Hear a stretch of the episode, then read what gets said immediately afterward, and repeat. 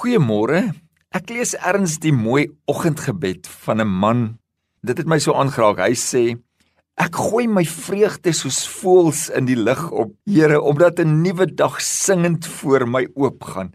Dit chirp en kwetter van die liefde.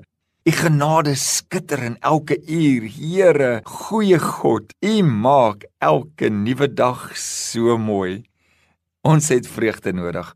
Ons moet baie kan gee nie net in wat ons het nie, maar ook in wie ons is, ryk in liefde, ryk in goedheid, ryk in vrygewigheid, ryk in hoop, ryk in geloof.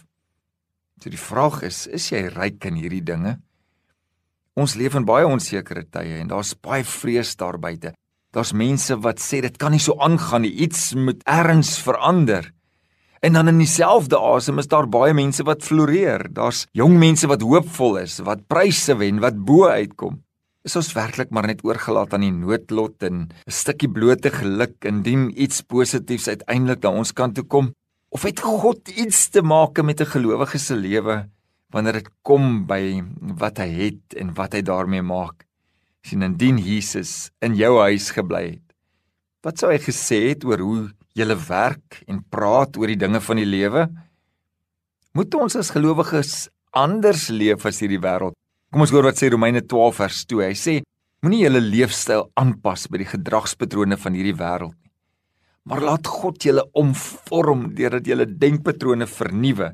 Dan sal julle goed kan onderskei wat hy wil hê dat julle moet doen, naamlik dit wat werklik goed en aanvaarbaar en volmaak is. So die vraag is, hoe kry ek 'n nuwe denkpatroon as dit kom by die gewone goed van die lewe? Jy sien die wêreld se uitroep sal wees jy moet vrees vir die verlies en vir hierdie moeilike tye terwyl God se manier sê hê geloof in my want ek sal voorsien en moenie bang wees nie. Die Psalme sê so mooi, hy sê die Here ken die lewensdae van die opregtes en hulle erfdeel sal vir altyd bly bestaan. God se manier is vergenoegdheid en nie vrees of 'n eindelose begeerte na nog meer nie. Sy manier is: sien jy dit wat jy het as 'n gawe uit sy hand? En as jy bereid om dit vir hom terug te gee. Paulus het gesê ware godsdiens saam met tevredenheid is 'n groot rykdom. Ons het immers niks saamgebring toe ons in hierdie wêreld ingekom het nie en ons kan ook niks saam met ons neem wanneer ons sterf nie. Ek wil jou bemoedig met hierdie woorde van Paulus in Filippense 4:19 wat sê My God sal elke behoefte van julle ryklik voorsien volgens sy wonderbaarlike rykdom in Christus Jesus. Kom ek bid saam met jou.